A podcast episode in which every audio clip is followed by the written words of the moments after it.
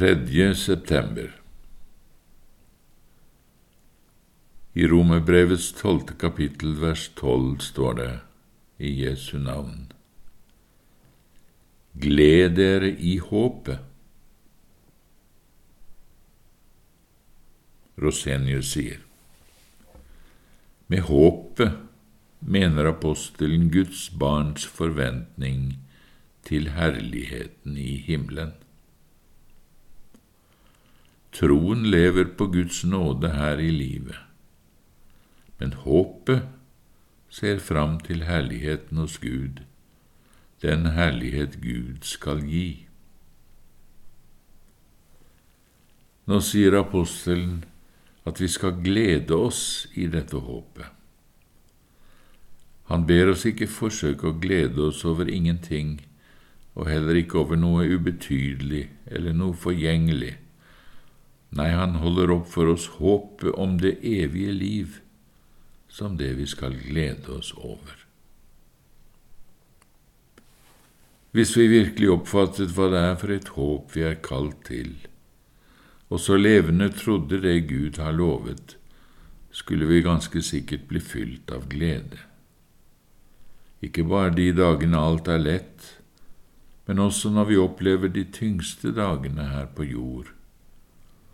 Og denne gleden, gleden i håpet, den har langt større betydning og velsignelse enn vi vanligvis tenker oss. Den gir oss en ny kraft i hele vår kristendom. Og Derfor vil vi da også se nærmere på akkurat dette. Håpets mål, det håpet strekker seg etter og lever på, den herlighet Gud har gjort ferdig for oss, vil vi vel aldri her i livet fullt ut kunne fatte. For det intet øye har sett og intet øre har hørt, det har Gud forberedt for dem som elsker ham. Men bare det vi ut fra Guds løfter ser og aner, er så stort og herlig at ingen mennesker kan finne ord for det. Hvem kan fullgodt uttrykke hva det innebærer at vi skal arve Guds arving, vi skal være Guds arvinger og Kristi medarvinger. Og hvem av disse som skal bli opphøyet til noe så salig, og hvem er disse som skal bli opphøyet til noe så salig? Jo, helt konkret de som her i livet er Guds barn. For slik lyder ordet, er vi barn, da er vi også Guds arvinger og Kristi medarvinger.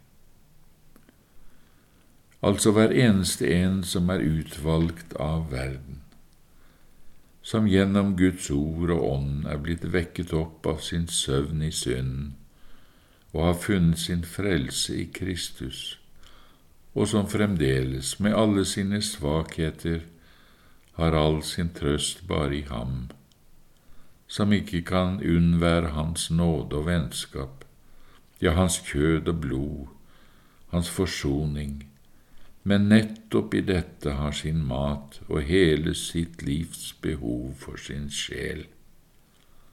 For så sier vår Herre Kristus, Den som eter mitt kjød og drikker mitt blod, har evig liv, og ham skal jeg reise opp på den siste dag.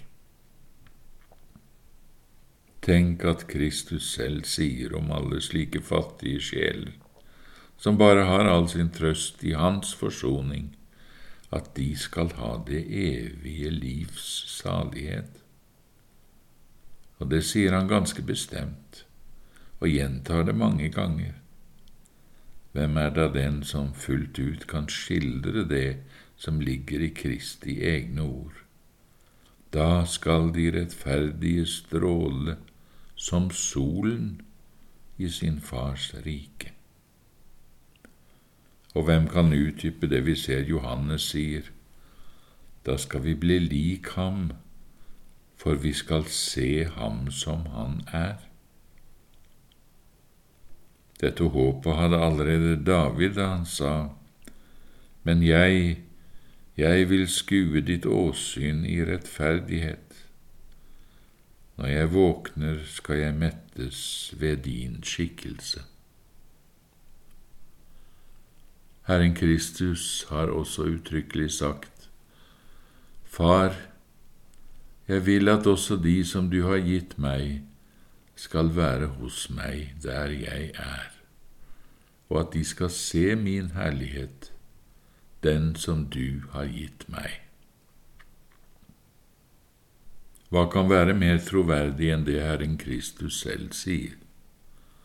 Vårt håp om frelse har dermed en usvikelig grunn, og derfor heter det også dette håpet har vi som et anker for sjelen, sikkert og fast. Når vi nå har et så herlig og sikkert fundert håp om den evige gleden, så bør vi da også si farvel til alle jordiske bekymringer. Bort med all engstelse og all uro. Jeg har en evig lykke. Jeg går mot en evig glede. Like så sikkert som håp om frelse ikke er bygget på vår verdighet eller våre tanker, men på Guds egne gjerninger og evige rådslutning.